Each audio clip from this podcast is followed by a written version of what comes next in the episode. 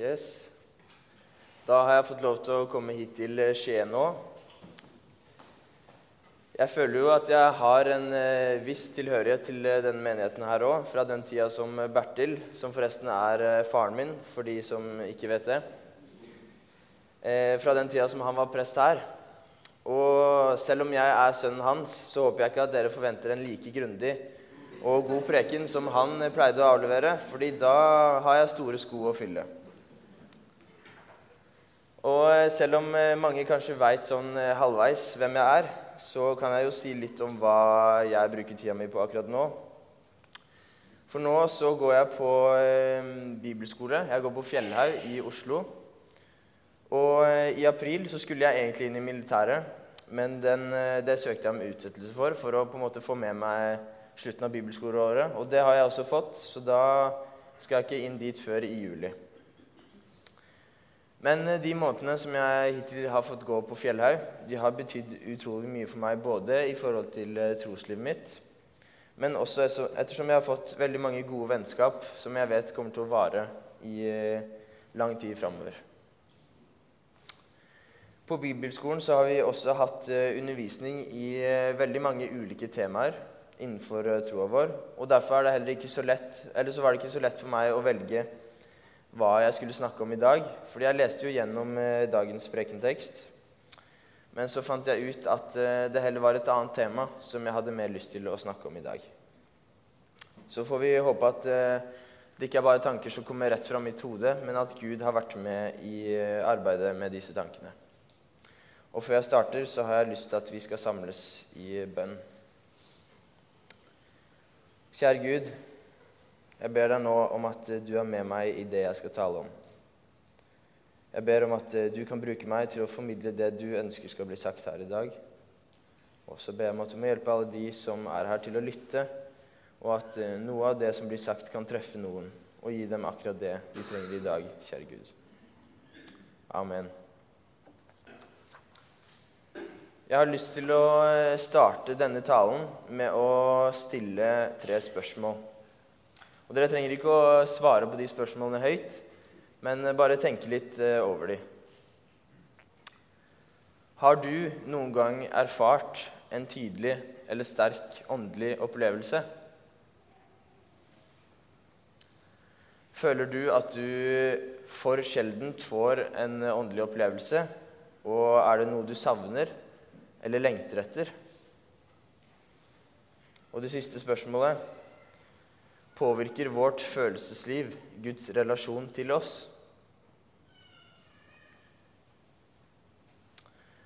Det er spørsmål som dere kan eh, tenke litt over, og som jeg har tenkt å snakke litt om i dag. Men eh, først, til å starte med, så vil jeg, som mange talere pleier å gjøre, prøve å fange oppmerksomheten deres fra starten av med å fortelle en liten historie fra mitt eget liv. I tredje klasse på videregående så fikk vi en eh, ny elev i klassen. Han kom opprinnelig fra eh, et land i Sør-Amerika, og han hadde flytta til Norge med mor og mange småsøsken som helt liten. Faren han hadde gått fra dem tidlig, og ungene de ble plassert rundt i fosterhjem fordi barnevernet mente at moren ikke var kapabel til å eh, passe på alle ungene. Og han, eh, han gutten her han hadde nettopp fått et nytt fosterhjem, og han hadde flytta til Stokke, og derfor så starta han da i klassen min. Jeg ble tidlig ganske godt kjent med han, og jeg forsto fort at han hadde hatt en veldig tøff barndom. Og han var også en type som ikke var eh, redd for å fortelle om seg selv og sine følelser og hva han tenkte og mente. Og dette gjorde det også lett å forstå at han ikke hadde hatt det så lett. Og jeg hadde også sagt til han at eh, han alltid kunne ringe og snakke med meg dersom det var behov for det. Så derfor ble jeg ikke sjokka av at han en sein kveld plutselig ringte meg. Jeg ble ikke sjokka før jeg hørte stemmen hans. For da var han helt eh, gråtkvalt, og han klarte så vidt å få fram et eneste ord. Og da skjønte jeg fort at nå, nå, nå var det noe alvorlig. For eh, han hadde da gått ned til brygga. Det her var altså midt på vinteren. Og da sto han på kanten og var klar til å hoppe gjennom isen for å gjøre det slutt. Og jeg jeg har aldri i hele mitt liv følt på en sånn eh, hjelpeløshet. Jeg husker at jeg var helt stille og hadde ikke peiling på hva jeg skulle gjøre, før jeg plutselig bare begynte å snakke. Og da flommet det ut ord som en eh, foss. Det bare rant ut ord. Det, men det var på en måte ikke egne ord. Og i etterkant så har jeg skjønt at det her var Gud som snakka til han gjennom meg. Og dette førte jo også etter hvert til at han trakk seg tilbake heldigvis, og gikk hjemover igjen. Og den dagen i dag så har han det veldig fint, for de som måtte lure på det. Men denne opplevelsen her, det er kanskje en av de gangene som jeg har følt at Gud eh, virkelig har vært nær og snakka gjennom meg. Og jeg har eh, siden, eller etter det så har jeg aldri følt på en så sterk åndelig erfaring. Generelt så er jeg en helt vanlig kristen ungdom som ganske sjelden har noen sånne spesielle åndelige opplevelser, eller hvor jeg ofte føler at Gud er veldig nær. For jeg er en person som, som ser, I mitt eget syn så har jeg et ganske stabilt følelsesliv. Og jeg har sjeldent, om ikke aldri, noen dager der jeg føler at alt i livet på en måte stritter imot. Men samtidig så har jeg sjeldent heller noen opplevelser der jeg på en måte helt uh, føler at alt er helt på topp. Jeg har sånn sett et ganske flatt følelsesliv. Men det, det her føler jeg også gjenspeiler eh, troslivet mitt. Fordi jeg er jo en kristen. Jeg går i kirka. Jeg leser i Bibelen og ber til Gud når jeg føler for det. Men ellers så har jeg få, eller sjeldent, det man vil på en måte kalle mer spesielle åndelige opplevelser. Personlig så lever jeg egentlig ganske godt med det her. Og jeg har heller aldri følt på noe eller Selv om man iblant kan føle at man gjerne skulle ha følt mer, så føler jeg ikke på en, et voldsomt behov av å føle mye mer. Fordi det har, det har ikke ført til at jeg har begynt å tvile på troa. Men jeg får ofte inntrykk av at eh, mange andre i dagens kristensamfunn, som også har det litt som meg, opplever at det kan være veldig kjipt og tungt å ha det slik. Jeg hører ofte bl.a. på bibelskolen om eh, ungdommer som og voksne også som snakker om at de gjerne skulle ønske at de kunne få, få en slags opplevelse eller erfare Den hellige ånds tilstedeværelse i større grad enn det de gjør. Og hvordan de snakker om at de så gjerne skulle ha følt mye mer rundt kristendommen. For de går på en måte bare rundt og lever sine vanlige liv. De er kristne, men de har et inntrykk om at de rett og slett føler for lite. Og hos noen så kan denne følelsen også etter hvert utvikle seg til tvil og tanken om er jeg virkelig en kristen når jeg ikke kan føle Guds tilstedeværelse? Verken i dagliglivet, i kirka eller blant andre kristne. Og ja, er man virkelig det? Og Ofte så tror jeg at det ender opp med at eh, bl.a. våre ungdommer fra Delk kanskje ofte søker til mer karismatiske samfunn hvor de tror at de lettere kan få og finne slike opplevelser eller erfaringer. Men for noen kan det også føre, føre til at de faller helt fra troen. Og som sagt så kan jeg ofte kjenne meg selv igjen i disse tankene. For jeg er jo en helt vanlig kristen ungdom. Og nå er det kanskje ikke slik at alle kristne ungdommer reiser rundt og preker i en alder av 20. Men det betyr jo fortsatt ikke at jeg ofte har noen sånne syke opplevelser eller stadig vekk føler på åndens nærvær. Nei, tvert imot. Til tider så føler jeg også at jeg skulle hatt noen av disse opplevelsene som mange andre kristne forteller om. Så tror jeg nok at eh, det er noen her inne, og generelt i mange lutherske og deliksforsamlinger, som kanskje kan kjenne seg litt igjen i det jeg snakker om. Det at man gjerne skulle ønske at man får sterkere opplevelser med Gud og Den hellige ånd. Og når jeg snakker om opplevelser og erfaringer, så tenker jeg bl.a. på det her med tungetale. Et veldig sterkt og følelsesladd bønneliv. Eller at man bare føler ånden til stede under eh, musikk og lovsang eller i dagliglivet. Og først og fremst så er det viktig for meg å understreke at det slett ikke er noe galt i å ønske å føle mer av ånden. Eller å ønske å få eh, de mer åndelige tung, eh, nei, nådegavene, som bl.a. tungetale. For som det står i Korinterne 14, vers 1, Søk med iver etter å få de åndelige gaver, særlig å tale profetisk.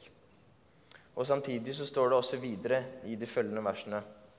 For den som taler med tunger, han taler ikke for mennesker, men for Gud. Ingen kan forstå ham, men han taler hemmeligheter i ånden. Men den som taler profetisk, taler for mennesker til oppbyggelse, formaning og trøst.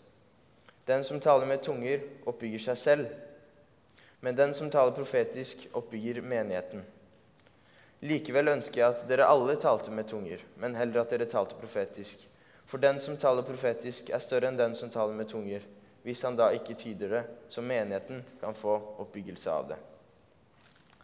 Og Her sier jo Paulus at ja, vi skal virkelig søke med iver etter å få de åndelige nådegavene. Men videre i disse versene så forteller han også hvor viktig det er for ham å få fram at det aller viktigste med nådegavene, det er jo at de skal bygge opp menigheten og fellesskapet og hverandre.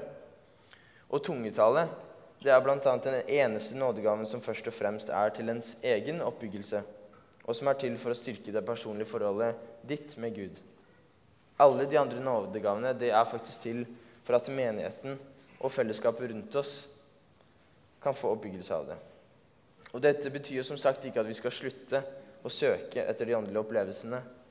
Men Paulus han har lyst til å gi oss en pekepinn på hva som burde være det aller viktigste for oss. Efeserbrevet er et flott brev, hvor særlig de fire første kapitlene det passer godt inn til det temaet som jeg valgte i dag. For i de tre første kapitlene her så gir Paulus en grundig innføring i alt det vi har fått i Jesus. Og Dette inkluderer bl.a. velsignelser og gaver som vi har fått. Og I vers 3 og utover så står det om hvordan vår far har velsignet oss med all åndelig velsignelse, hvordan han utvalgte oss allerede før verdens grunnvoll ble lagt, og hvordan vi har fått nådens rikdom. Han forteller også om hvordan han takker Gud for menigheten i Efesos når han minnes dem i sine bønner. Og I kapittel 1, vers 17, så står det jeg ber om at vår Herre Jesu Kristi Gud, Herlighetens Far, må la dere få en ånd som gir visdom og åpenbaring, så dere lærer Gud å kjenne. Må Han gi deres lys til hjertets øyne, så dere får innsikt i det håp Han har kalt dere til, hvor rik og herlig Hans arv er for de hellige. Og dette er en bønn fra Paulus for hans eget og andres kristenliv. En bønn om at de må være rotfesta i Jesus, så de kan se hvor stor Guds kraft er den som Gud viste da han reiste opp Kristus fra de døde og satte ham over all makt og myndighet. Og Paulus han ber her også om at eh, menigheten i Efesos må, må se hva Gud virkelig har kalt dem til. Og Da er det også lagt inn en bønn om at de må forstå gavene de har fått, og hvordan de skal bruke disse gavene på best mulig måte. I kapittel 3 så snakker Paulus om hvordan han selv har fått kraften eller nåden fra Herren til å forkynne hedningene evangeliet. Og Han beskriver her den gaven han selv har fått, og hvordan han også har fått nåden til å dele den videre. For han vet godt hvilken gave han har fått i Jesus Kristus, som vi bl.a. kan lese om i 2. Korinterne 12, vers 1-7. Jeg må altså skryte av meg selv, enda det ikke tjener til noe. Jeg kommer nå til de syn og åpenbaringer jeg har fått fra Herren. Jeg vet om et menneske i Kristus som for 14 år siden ble rykket bort til den tredje himmel. Om han var i kroppen eller utenfor kroppen, vet jeg ikke. Gud vet det. Men jeg vet at dette mennesket ble rykket bort til paradis. Om han var i kroppen eller utenfor kroppen, vet jeg ikke. Gud vet det. Og der fikk han høre usigelige ord som et menneske ikke har lov til å uttale. Dette mennesket kan jeg være stolt av, men meg selv vil jeg ikke være stolt av i så fall bare av mine svakheter. Og selv om jeg skulle ønske å være stolt, vil jeg ikke være fra forstanden, for det jeg sa, ville være sant. Men jeg lar det være, for jeg vil ikke at noen skal gjøre seg større tanker om meg enn de får når de ser og hører meg. For at jeg ikke skal bli hovmodig på grunn av de høye åpenbaringene, har jeg fått en torn i kroppen, en Satans engel som skal slå meg, for at jeg ikke skal bli hovmodig. I vers 6 så sier Paulus at Og selv om jeg skulle ønske å være stolt, ville jeg ikke være fra forstanden, for det jeg sa, ville være sant. Men jeg lar det være, for jeg vil ikke at noen skal gjøre seg større tanker om meg enn det de får når de ser og hører meg. Og enda mer relevant er vers 7. For at jeg ikke skal bli hovmodig på grunn av de høye åpenbaringene, har jeg fått en torn i kroppen. En Satans engel som skal slå meg for at jeg ikke skal bli hovmodig. Det er kanskje litt mange og vanskelige ord i disse versene, men poenget her er at Paulus han kjenner på en måte alle de gavene han har fått han har, han har, erfart mye, og på den måten så vet han at uh, han ville hatt en kort vei til å bli hovmodig. Men nettopp pga. at Paulus har fått så mye og så mange gaver, så må Gud holde han litt igjen og innafor rammen for at han ikke skal bli hovmodig. Og på samme måte så tror jeg kanskje at Gud til tider begrenser våre åndelige opplevelser for at vi heller ikke skal bli hovmodige eller tro at vi er bedre enn andre som ikke har fått slike opplevelser. Vi vet jo at det er menneskelig og fort gjort å bli hovmodig. Og når dette er sagt, så betyr det heller ikke at vi skal slutte å søke etter disse opplevelsene, men at vi heller skal få en pekepinn på hva som faktisk er det viktigste med troa vår. Og det viktigste med troa, det kan vi finne i de kommende versene, nemlig 8-10, hvor det står om at Paulus ber Gud om at han må ta bort dette som plaget ham, denne tornen. Men da svarer Gud ham at min nåde er nok for deg, for kraften fullendes, fullendes i svakhet. Og det er jo akkurat det som er det viktigste for oss. Guds nåde.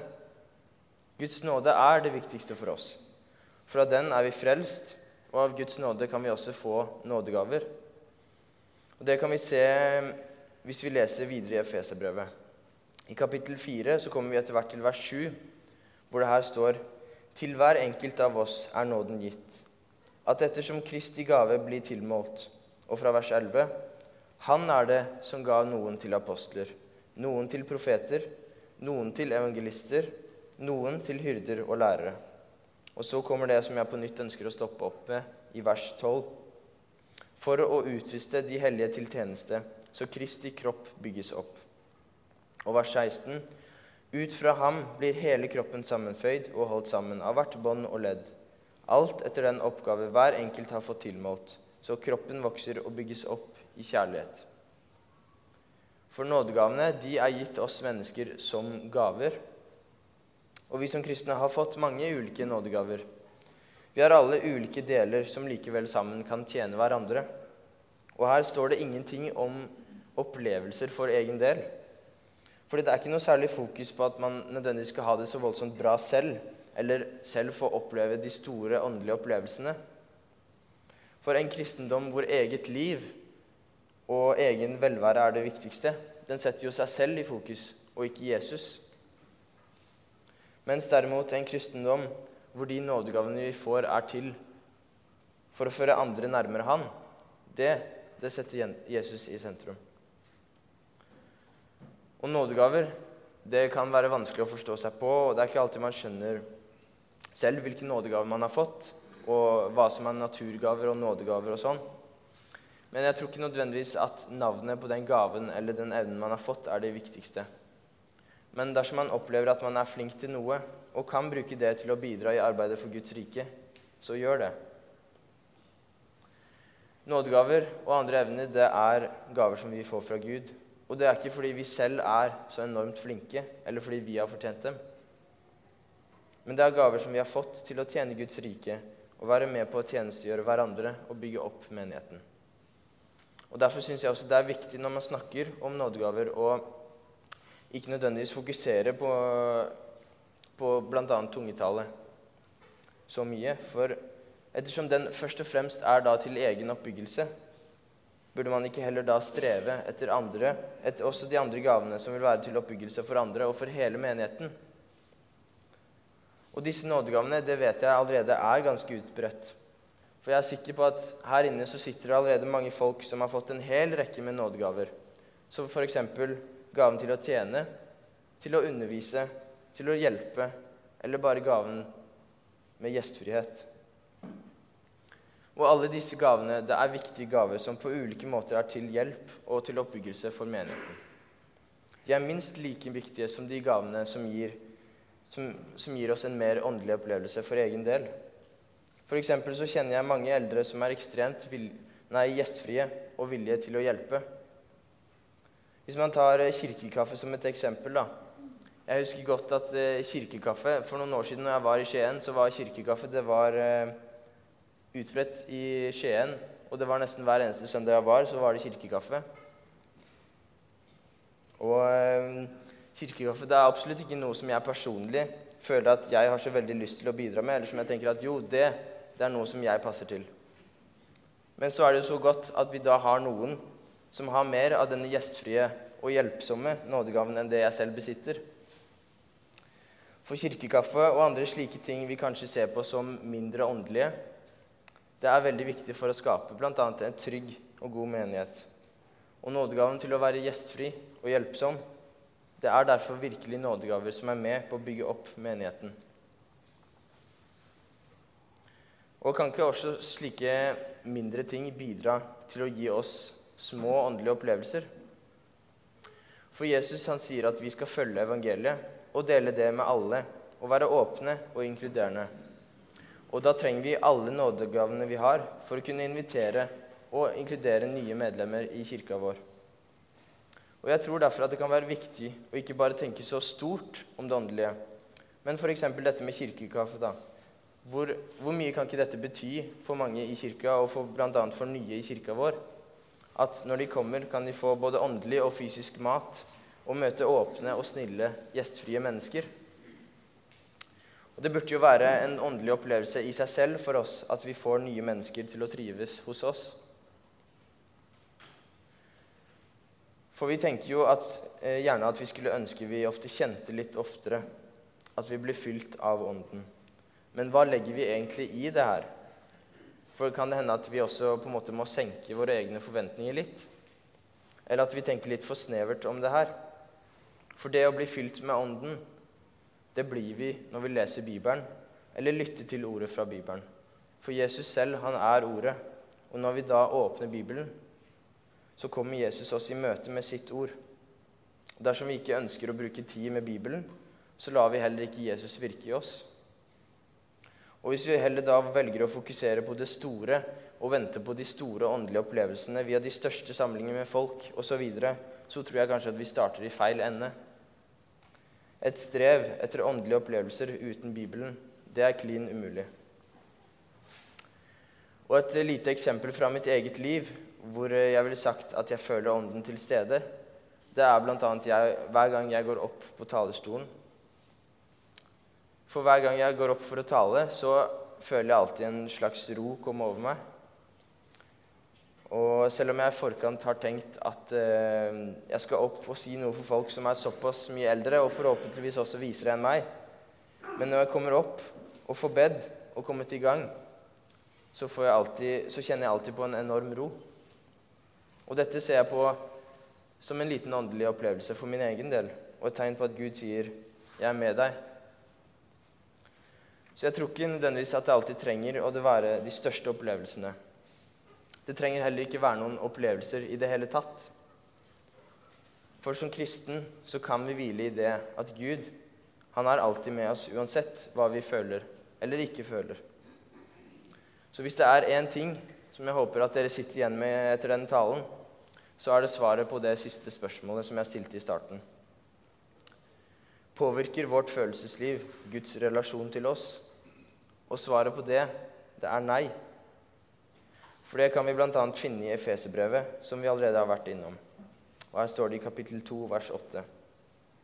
For av nåde er dere frelst, ved tro, ikke av dere selv. Det er Guds gave. Gud har gitt oss evig liv i gave akkurat som han har gitt hver og en av oss ulike nådegaver. Han har han også gitt oss som velger å tro på det her, evig liv. Helt uavhengig av hva og hvordan vi føler oss fra dag til dag, så kan vi vite med sikkerhet at ja, det holder virkelig å bare tro på det her. For vi er frelst ved Guds nåde, ved troen alene. Og hans relasjon og ønske om å leve nær oss, den vil alltid være den samme, uavhengig av hva vi føler.